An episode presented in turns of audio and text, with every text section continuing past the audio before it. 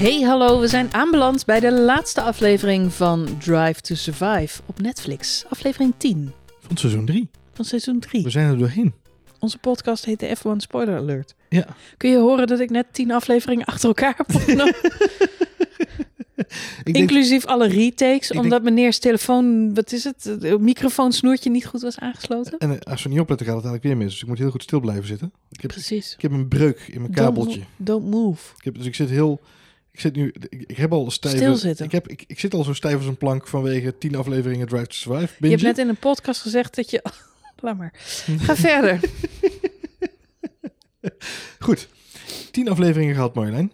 En de tiende aflevering hebben we nog even al het restmateriaal gezien wat ze nog hadden van dit seizoen. Ja, ik ben een beetje apropos van de laatste scène. Het is een aflevering met een, eh, met een staartje. De, zo la- de tiende aflevering. We hebben grotendeels zitten kijken naar eh, ja, de laatste race van het seizoen. Wat Ja. eh, volgens mij een hele mooie recap was. En dat draaien ze een beetje rond het verhaaltje eh, van die derde plek in het kampioenschap. Ja. Wat ik eh toffe storytelling vind, want het was natuurlijk ook heel spannend. In de zijlijn zien we nog gelukkig een heel klein beetje Max Verstappen, want die ontbreekt natuurlijk Grotendeels, echt- ja, ja. grotendeels in dit seizoen. Ja. Eh, ja, er zijn meerdere mensen die, die het hele seizoen eh, niet gehaald hebben. Jij eh, noemde... Ik mis, ik mis de prestaties van Nicolas Latifi. ja, Maar, eh, Latifi waarschijnlijk zelf ook. Dus dat, ja. Latifi presteert het om niet bij naam genoemd te worden en ook volgens mij in geen enkel shot in beeld te zijn. Dus die is Jawel, gewoon ja, non-existent. Ze laten volgens mij nog wel een- ergens in, in een van de eerste afleveringen een crashfilm zien, geloof ik. Maar Dus, zelfs eh, Fittipaldi wordt op zeker moment genoemd. We Ja. zien hem niet, maar hij wordt wel genoemd. nee, maar, maar het, eh, Latifi. Maar als je dan hebt over Williams, Claire Williams en de hele Williams saga. De Williams saga. Eh, George Russell. De. George Russell, Corona Russell, maar sowieso George Russell überhaupt. Ja. Eh, zien we gewoon niet. Dus eh, nee, het, eh, Zou, zou George. Russell wel, want hij was zelf verbaasd over het feit dat hij niet, of, of liever gezegd, maakte hij een grapje over. Ja. Maar zou hij wel geïnterviewd zijn? ik denk wel dat ze een aantal mensen geïnterviewd hebben, maar de beelden gewoon niet gebruikt hebben. Ik neem wel, weet je wel, ze zijn bij teams geweest. Ja. Dus dan zijn ze echt bij een team aanwezig. En ik denk dat je een hele luie en niet zo'n bijster goede documentairemaker bent. Als je eh, bij een team aanwezig bent en dan besluit om de coureurs niet te interviewen. Dus Nee, dat is waar. ik denk dat je ten alle tijde de microfoon onder de snuffert stopt. En eh, probeert ze te laten, iets Nou. zinnigs te laten zeggen. Ja. Eh, weinig Max Verstappen in beeld. Ehm, Hij zal misschien niet zoveel gezegd hebben, Max. Zelfs bij Kimi Räikkönen. Nee, dat zou, nee, we zien hem ook niet in de studio, überhaupt niet. Nee. Vraag is natuurlijk wel een beetje of hij eh, mee heeft Misschien heeft hij niet gewerkt. meegewerkt inderdaad, ja. Hij had Nee. natuurlijk ook zijn eigen documentaire vorig jaar. Ja. Want die was geloof ik al een jaar eerder opgenomen. Dus... eh, Nou ja, hij zal misschien wel plichtmatig één of twee interviewtjes gedaan hebben en wat vragen beantwoord hebben. Maar net zoals Kimi Räikkönen. Ja, Kimi Räikkönen hebben we letterlijk alleen maar op een stoel zien zitten. Ja. En weer op zien staan. Ja, dat is, Dus, een beetje, dat is een eh, beetje zijn, zijn Formule 1 seizoen vorig jaar. Dus we zien hem in een stoel zitten en hij erop staan.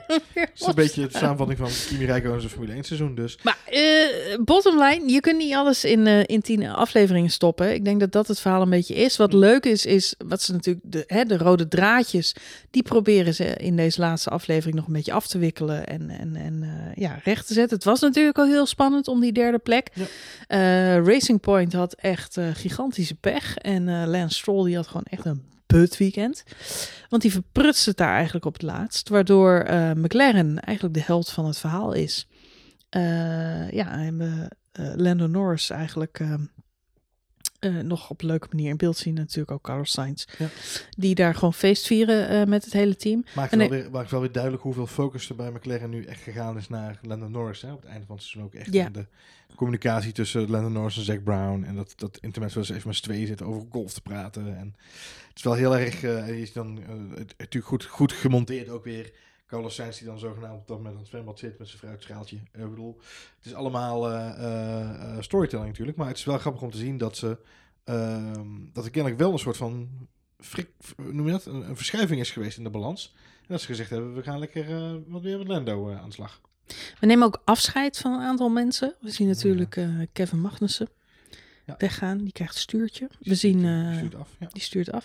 We zien eh, Daniel Ricciardo, die eh, afzwaait bij Renault. Daar weten ze toch ook nog een mooi staartje aan te, aan te, aan te breien. In de Ja. zin van Abiteboel was natuurlijk behoorlijk pissed off dat hij eh, weg eh, ging.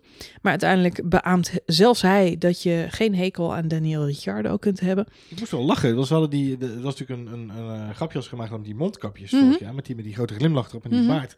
En toen- ik dat zat te kijken, toen dacht ik... Nou ja, die kunnen ze dan volgend jaar weer gebruiken voor Alonso. En toen dacht ik... Oh nee, want Alonso lacht nooit zoveel. Ehm, en daarna dacht ik... Hij zat er wel, hè? En zeker nu niet, want Zelfs Alonso zat al in deze aflevering. Ja. Stoffel van Doornen zat in deze aflevering. Ja. Hoop cameo's. Mazepen zat in deze aflevering. Alle tweede Mazepens zaten in deze aflevering. Eh, nee, ik- bespeurde toch een kleine eh, Sound edit daar. sound edit onder de beide heren Mazepen. Ik ben toch heel benieuwd hoe Netflix volgend jaar met dat verhaal omgaat. Maar goed, dat gaan we dan zien. Ehm, Interessant. Ja. Krijgen ze net zoveel aandacht bij Haas als dit jaar? Ja, ik ben heel benieuwd. Volgend jaar bij Haas, daar gaat toch een hoop gebeuren. Maar goed, vooruitblikken naar volgend seizoen doen we nog niet. Ja, nee, ehm, eh, prima aflevering. Eh, goed hoe ze een aantal verhalen, denk ik, eh, afronden.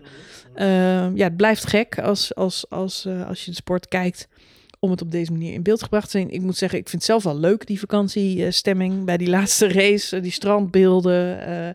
gewoon even hoe die gasten aan het chillen zijn. En ehm, ja, Lance Stroll had voor mij dan weer niet zo eh, per se gehoeven. Maar ja, goed, daar zit natuurlijk ook nog een verhaaltje. Ze moesten dat roze Mercedes verhaal nog rondmaken. Ik vind het ook wel leuk dat je al even een sneak peek krijgt van de nieuwe kleur van de auto.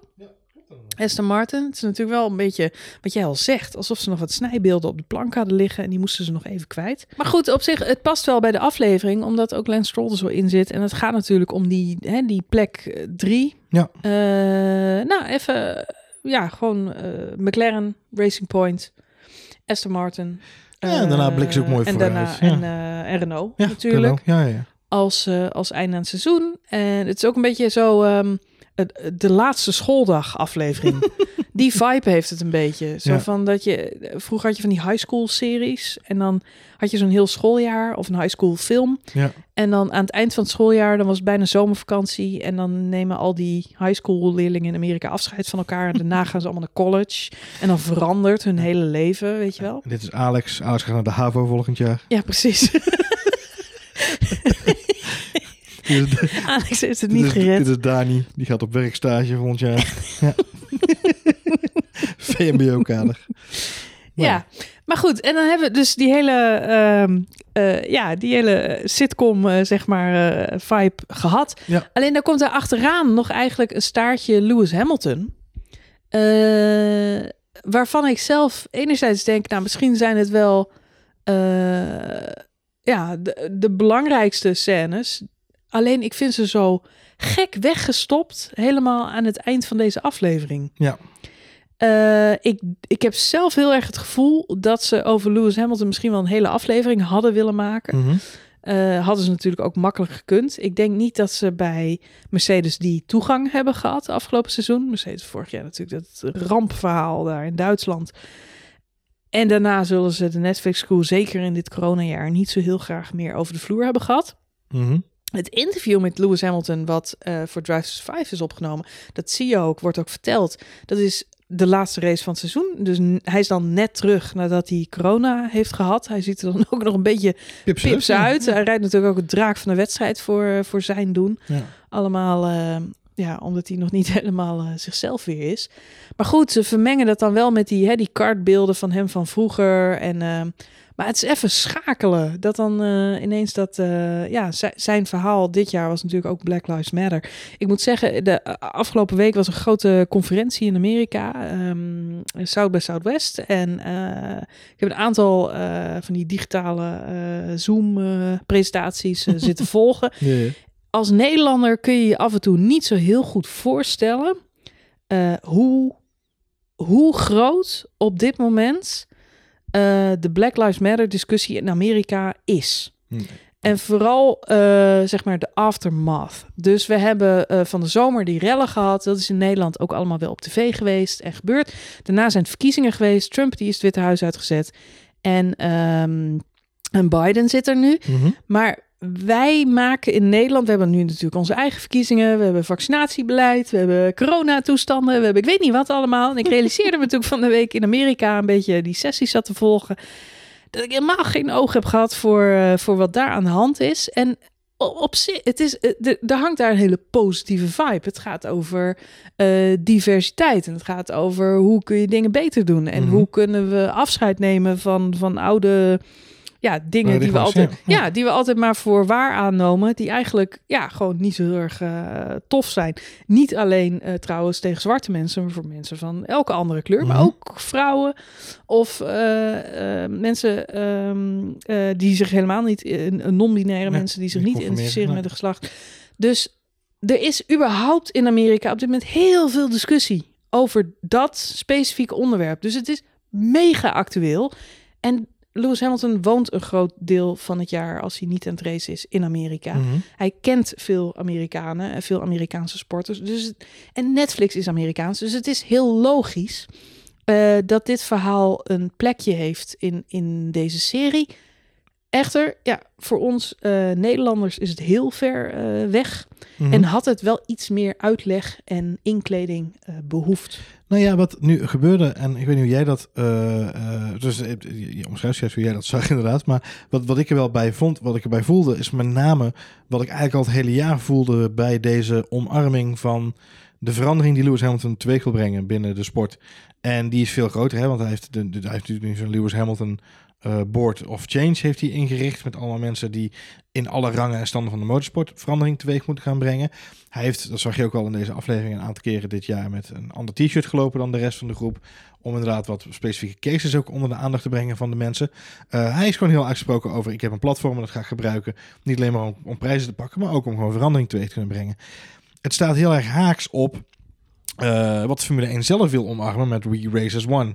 Met het regenboogje en we, omarmen het ook en we doen een, een protocol voor elke race waarbij we eh, met z'n allen een moment van stilte nemen en de, coureurs moeten knielen of mogen knielen of misschien blijven ze staan en ze moeten een t-shirtje aan en misschien moeten ze geen t-shirtje aan, misschien moeten ze een petje af of misschien toch een petje op en misschien moeten ze zonnebrillen afzetten en we doen dan een, en het was één groot zootje, dat hele initiatief, dat was één grote troep dit jaar. En ehm, eh, datzelfde gevoel had ik nu ook bij dit fragment in de serie, omdat ik iets had van jeetje jongens, we zijn al heel het jaar aan het kijken naar een soort eh, opge, opge, bij elkaar bedachte ceremonie rondom eh, deze verandering die we teweeg willen brengen. En ik, nogmaals, ik support die verandering. Ik denk heel erg dat het heel erg goed is dat ook mensen in, in dit soort sporten en in dit soort platformen die verantwoordelijkheid nemen.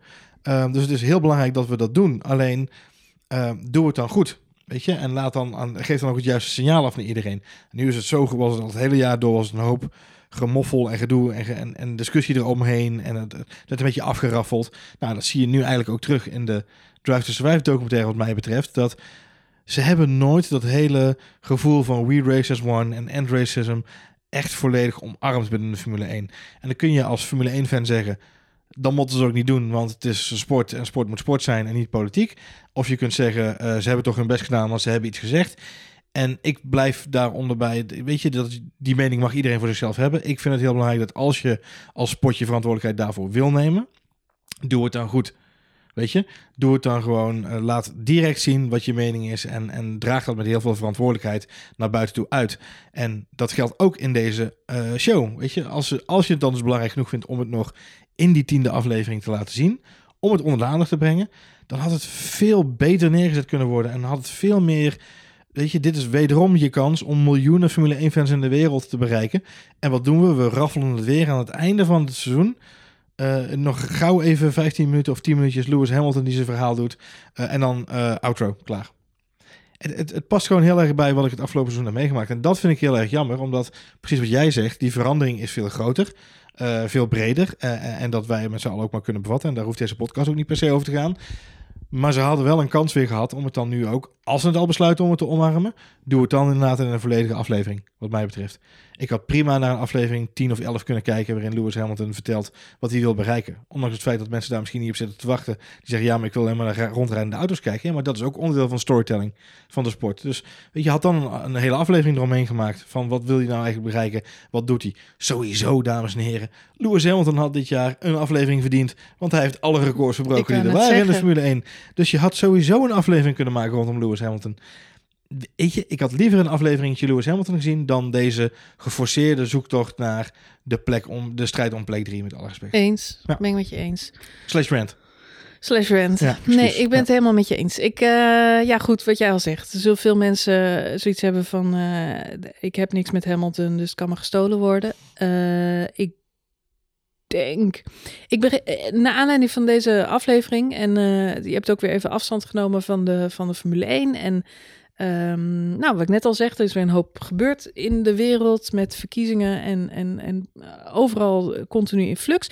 We zitten nu ook wel een beetje hopelijk te kijken naar het licht aan het eind van de tunnel in, de, in deze sombere periode. Mhm, We zijn mhm. één jaar na corona, Ja. één jaar nadat de Grand Prix van Australië niet doorging. En we 200 dagen moesten wachten eh, tot er weer een keer een, eh, een Grand Prix was. Ja.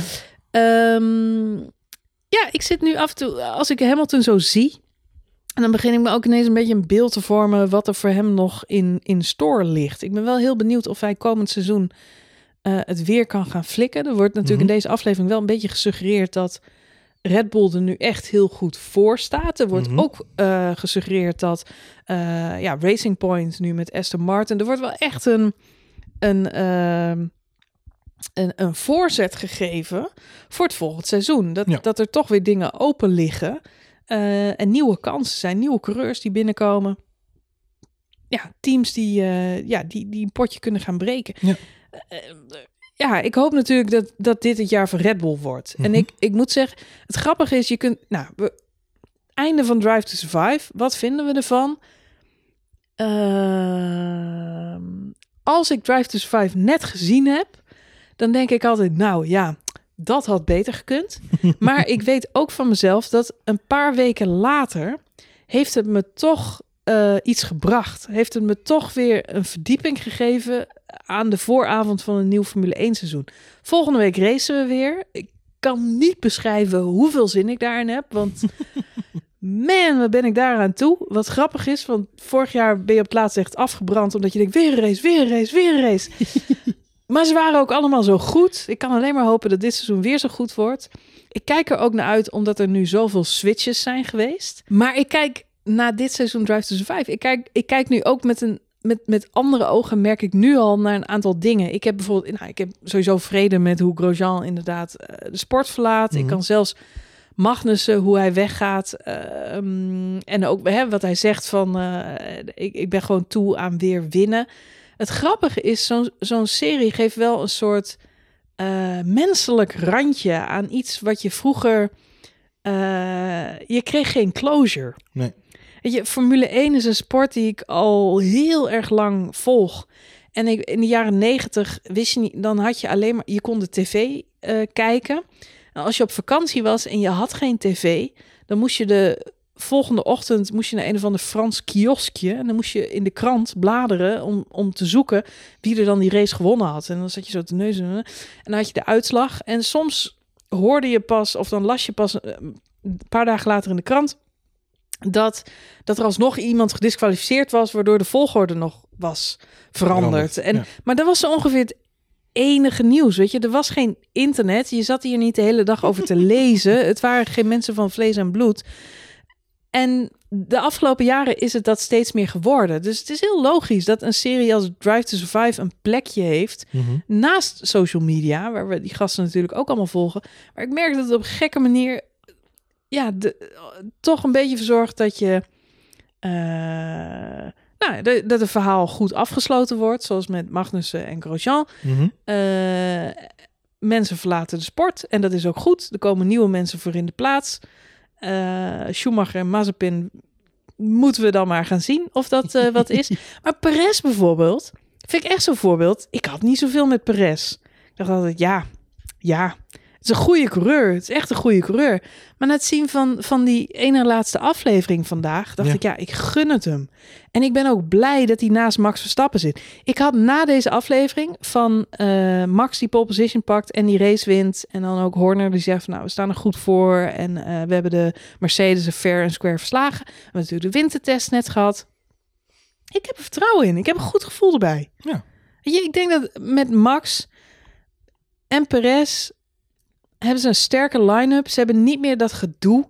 Weet je, we hebben ook, ik heb ook closure voor, voor Gasly. Ik ben blij dat hij bij Alfa Tauri is gebleven. Ja. Ik ben blij dat hij niet terug is gegaan naar Red Bull. Want ehm, Het gekke is, ik ben altijd... Ik ben voor heel veel verschillende coureurs... Kan, voor heel veel verschillende coureurs kan ik juichen. Maar ik vind het altijd lastig om te juichen voor de teamgenoot van Max Verstappen. Omdat je toch hoopt dat, dat Max zeg maar de betere van de twee is. Aan de andere kant, hij moet wel onder druk gezet worden. Want daar wordt hij beter van. Eh, en hij heeft hulp nodig, soms strategisch. Weet je, het is gewoon zielig de afgelopen twee seizoens om Max altijd daar in zijn uppie vooraan te zien stoeien met die twee Mercedes'en. Het doet Ja. op de een of andere manier het doet ook heel erg afbreuk aan, eh, aan eh, ja, gewoon aan, aan Max zijn potentie. Want om wereldkampioen- achterblijft. Ja, precies. ja, om wereldkampioen te worden heb je een wingman nodig. Ja. Je hebt af en toe, ik bedoel, Bottas, het is een druif van hier te Tokio, maar soms zit hij er wel net even tussen. Of zit hij er even voor? Of kan hij iemand ophouden? Of maakt hij een pitstop? Of is het een, een strategisch... Weet je, alleen al strategisch. Van wanneer gaat Bottas pitten? Wanneer gaat Hamilton pitten? Oh, heeft Bottas nu een voordeel op Max? Heeft eh, Hamilton nu een voordeel? Ze kunnen mind games uitspelen met team Red Bull. En Red Bull kan dat andersom niet. Want niemand is bang voor Albon. Net zoals niemand bang was voor Gasly. Dus het feit dat er nu iemand bij komt... waar je echt nou ja, rekening mee moet houden... dat is goed voor Max. Dus ik heb wel zoiets van, nou, ik ben, ja, ik heb zin in dit seizoen. Ik denk dat Max het heel sterk ehm, kan gaan doen. Ik hoop echt dat dit dan eindelijk het seizoen van Red Bull wordt. De tekenen zijn goed. Dat betekent dat, dat Lewis Hamilton vroeg of laat toch ook een keer aan zijn einde eh, moet gaan werken. In elk geval in de Formule 1. Sporttechnisch, ja, Ja, precies. sporttechnisch. Ja. Maar ik begin, na, hè, de aanleiding van het laatste fragmentje waar we het net over hadden, wel een beeld te krijgen van jeetje man, voor Lewis Hamilton. Die heeft nog zoveel in het verschiet. Jij zegt heel vaak van ja, die gaat hè, na, deze, na deze carrière in de sport, die, die kan nog van alles doen. En, en dan dacht ik altijd aan eh mode ontwerpen of muziek maken of gewoon al van die lullige, domme dingetjes. Maar ik besef me na dit seizoen dat Lewis Hamilton echt tot veel meer in staat is dan heel veel mensen hem credit voor geven. Wat jij nu zegt, hij heeft afgelopen jaar met dat, met dat stomme eh, zwarte shirtje en die, die stomme knullige ceremonie voor elke race. Ehm, ik denk niet dat dat is wat Lewis Hamilton voor ogen had. Ik denk niet dat hij dat fantastisch vindt. Maar hij probeert zo verschrikkelijk hard om iets voor elkaar te forceren in een mega ja, Conservatieve sport. conservatieve sport. Ja, ja, ja. Exactly. En, en ik kan hem daar alleen maar voor eh, eh, bewonderen. Ja. Dat hij dat in elk geval probeert. Eh, ja, ik vind Ja, het. En, het en, en ik zeg dit ook eh, nou, nou, als, als vrouw zijnde. Het, het is. Het is gewoon cool dat iemand eh, nou, probeert Zoveel dingen voor elkaar te boksen. Ja. ja, en ik, ik vind eigenlijk dat hij, ehm, dat hij daar soms een beetje weinig credit voor krijgt. Ik krijg daar veel te weinig credit voor. Maar weet je wat is? Ik moest ehm, eh, even een resume van, van Drive to Survive als serie. En waar moet je het nou plaatsen? Eh, en waar moet je dan inderdaad zo'n verhaal van Hamilton ook eigenlijk plaatsen? Ik moest de afgelopen tien afleveringen heel vaak aan Wright Thompson denken. En ik weet niet of die naam jou wat zegt. Wright Thompson is een eh, schrijver. En hij schrijft met name verhalen voor ESPN. sportverhalen, Amerikaanse sportjournalist. Eh, alleen met sportjournalist doe je hem eigenlijk tekort.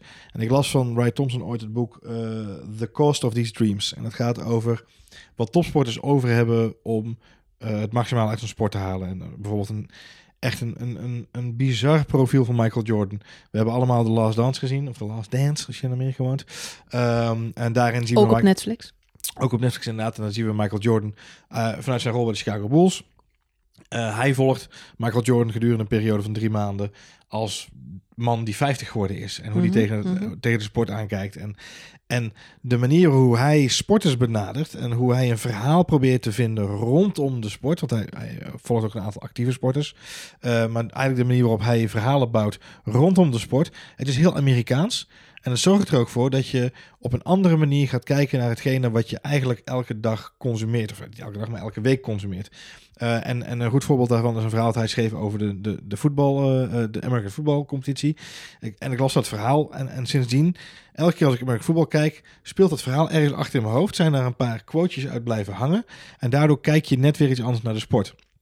En dat is eigenlijk wat Drive to Survive, zeker voor liefhebbers, ook in zich heeft. Natuurlijk zijn er een heleboel fans die zwaar teleurgesteld zijn over het missen van een aantal key moments. En het feit dat er een aantal eh, dingen gewoon heel raar gemonteerd zijn. Of dat verschrikkelijke nepcommentaar de hele tijd. Maar er zitten een paar dingetjes in. Er zitten een paar haakjes in. Die, eh, hoe gek het ook klinkt, ervoor zorgen dat je bepaalde ontwikkelingen in de sport toch net iets anders gaat bekijken. Ja, iets. En ik denk dat dat eh, de meerwaarde en de kracht is van zo'n serie. Ehm, ben je fan van Star Wars, hoef je niet alles van Star Wars te kijken. Want er wordt bijzonder veel gemaakt van Star Wars. Uh, van animatieseries tot graphic novels, tot boeken, tot series, tot films. En, en, en ook nog allerlei andere dingen die je misschien wel computergames die je zou willen spelen. Datzelfde geldt voor de Formule 1. Ben je fan van de Formule 1? Je hoeft niet alles te volgen. Maar volg je bepaalde stukken, dan zorgt dat verhaaltje op zijn eigen manier uh, er eigenlijk voor dat je het complete verhaaltje op een andere manier gaat bekijken. En, en dat, zo werkt Formule 1 uh, Drive to Survive wat mij betreft ook. Ik hoef het niet per se te kijken, maar als ik het bekijk, dan kan ik het hele, het hele metaverhaal op een andere manier bekijken. Maar dat zou wel betekenen dat je ook meer boeken over Formule 1 moet gaan lezen. Ja, boeken lees ik dan weer heel weinig. Maar ik lees dan wel weer heel veel nieuws en sites. En ik, we schrijven de nieuwsbrief, we maken de podcast. Dus je bent zelf ook bezig met het, met, met het maken van zo'n verhaal. Um, dus in, in ons geval dan. Hè? En er zijn, er zijn talloze fans, ook die mensen die ons luisteren. Hallo, jullie zijn er nog steeds. Um, uh, die deze podcast luisteren en die nog vier, vijf andere podcasts luisteren uit Nederland. En misschien nog wel twee, drie uit het buitenland.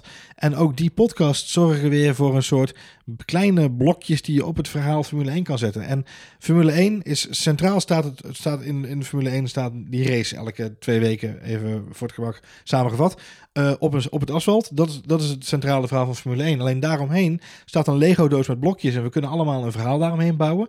En sommige mensen bouwen een kasteel en andere mensen bouwen een, een flatgebouw. En andere mensen bouwen een vliegveld. En sommige mensen die doen gewoon twee blokjes op elkaar en zeggen dat het een zeehond is. Kan ook. Drive to Survive is wat je ervan wil maken. Ik vind, ik vind het vermakelijk en, en, en fijn. En het draagt op zijn manier iets bij aan het complete verhaaltje Formule 1. Eens. Nou waren de verhalen dit jaar ook wel ontzettend goed. Dus voor de... Ja. Ik denk dat dit een typisch gevalletje is waarbij de werkelijkheid eigenlijk beter was dan de fictie. Ik wil niet weten wat er op de snijtafel is blijven liggen hier. Onderaan de streep. Weet je, er zijn zoveel dingen die we hadden kunnen... Het is knap lastig. Het enige, ik ben met je eens hoor. En, en nogmaals, over een paar weken dan, dan denk ik er ook weer met uh, iets positievere herinneringen aan terug. Dat heb, vaak. Maar uh, jij noemde net Star Wars. Toen moest ik aan de Mandal Mandalorian denken. Mm -hmm. Voor de mensen die die serie gevolgd hebben. Uh, wat bij de Mandalorian erg leuk is, is om de extra's te kijken. Mm -hmm. Van de makers. En wat opvalt, ik had het eerder in deze serie die we rondom deze Netflix-serie gemaakt hebben, ook over Ted Lasso. Nou, Ted Lasso-serie, heel veel prijzen gewonnen. Uh, Mandalorian en Ted Lasso hebben één ding gemeen. Die worden gemaakt door een gigantisch team van liefhebbers. Ja. Echt liefhebbers. Die zo verschrikkelijk lopen te nerden over elk detail wat perfect moet zijn in Star Wars, weet je, dus er loopt iemand op de set rond die alleen maar bezig is met past dit in de Star Wars universe? Weet ja. je wel, doen we niet aan stijlbreuk? Is dit filosofisch iets wat dit karakter zou doen? Want in drie films uit de jaren zeventig deed dat karakter ook iets en dat moet dan nu wel terugkomen en kunnen we nog een crossverwijzing en klopt het? En, en je moet zo nerd zijn om een show zo goed te krijgen. Ja. En dat is misschien mijn kritiekpuntje op Drive to Survive. Dat wij met z'n allen en al onze luisteraars en iedereen die Formule 1 al jaren volgt, zulke nerds zijn. Dat wij allemaal met heel veel liefde eigenlijk daar in die edit studio hadden rondgelopen. Mm -hmm. Of misschien zelfs wel bij de opnames. Ja, om, om, het, om de storytelling nog net een slagje beter te doen. Ja. Ik denk dat, dat dat het enige is wat je misschien de makers kan verwijten dat ze het soms net iets te oppervlakkig beetpakken. Is te neutraal pakken. En ja. voor ons is dit heel belangrijk. Oh, voor ons wel, ja. Voor ons is dit heel belangrijk. Ja. Nou, en ze zitten eraan, hè, Johan? Ze zitten eraan. dus we gaan uh, afronden. Ik vond het leuk, uh, Drive to Survive. Zeker. Ik heb me wel vermaakt. Uh, ik vond aflevering 9 by far de beste. Eens. dat was echt emotional. Ik vond de aflevering met Ferrari erg leuk. Ja, was ook emotional, maar dan toch anders? Da nou, ik heb echt gelachen. Dat was echt een aflevering. ik denk dat dat de aflevering is waarbij ik het meest gelachen heb. En vooral natuurlijk om Seb, maar gewoon het bevestigde al onze vermoedens, Johan. HBTF, ja. HBTF, het blijft toch Ferrari.